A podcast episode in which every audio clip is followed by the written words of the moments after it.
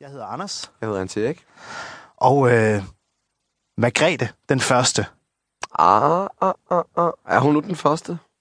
Kan vi overhovedet give hende sådan et, øh, et nummer i kongerækken? Det er jo et lidt specielt afsnit, det her. Øh, Fordi var Margrethe egentlig som sådan øh, og betegnet som dronning? Det er jo ikke en officiel titel. Nej, det at vi kalder hende dronning Margrethe den første, det er lidt en, øh, en efterrationalisering. Altså det, det, er lidt, det er senere, hvor man ligesom har organiseret kongerækken, hvis man kan sige det.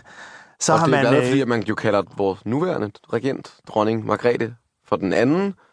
Det gør man jo med henvisning til Margrethe, som regerede jo fra øh, 1375 til 1412, i anerkendelse af hendes vigtige status i Danmarks historie, som en betydelig kvinde og betydelig person.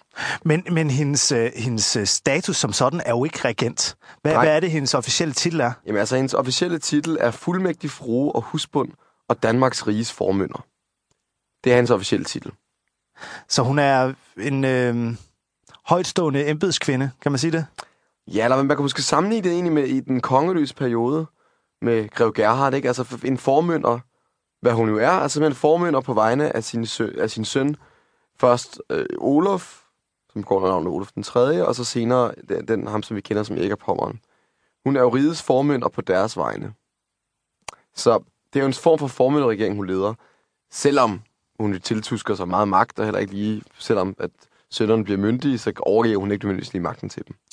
Nej, øh, fordi nu er det godt nok på plads. Man kan stille sig kritisk an over for hendes sådan, officielle status og position i kongerækken, men der skal heller ikke være nogen tvivl om, at det her det er den suverænt mest magtfulde kvinde i dansk middelalder.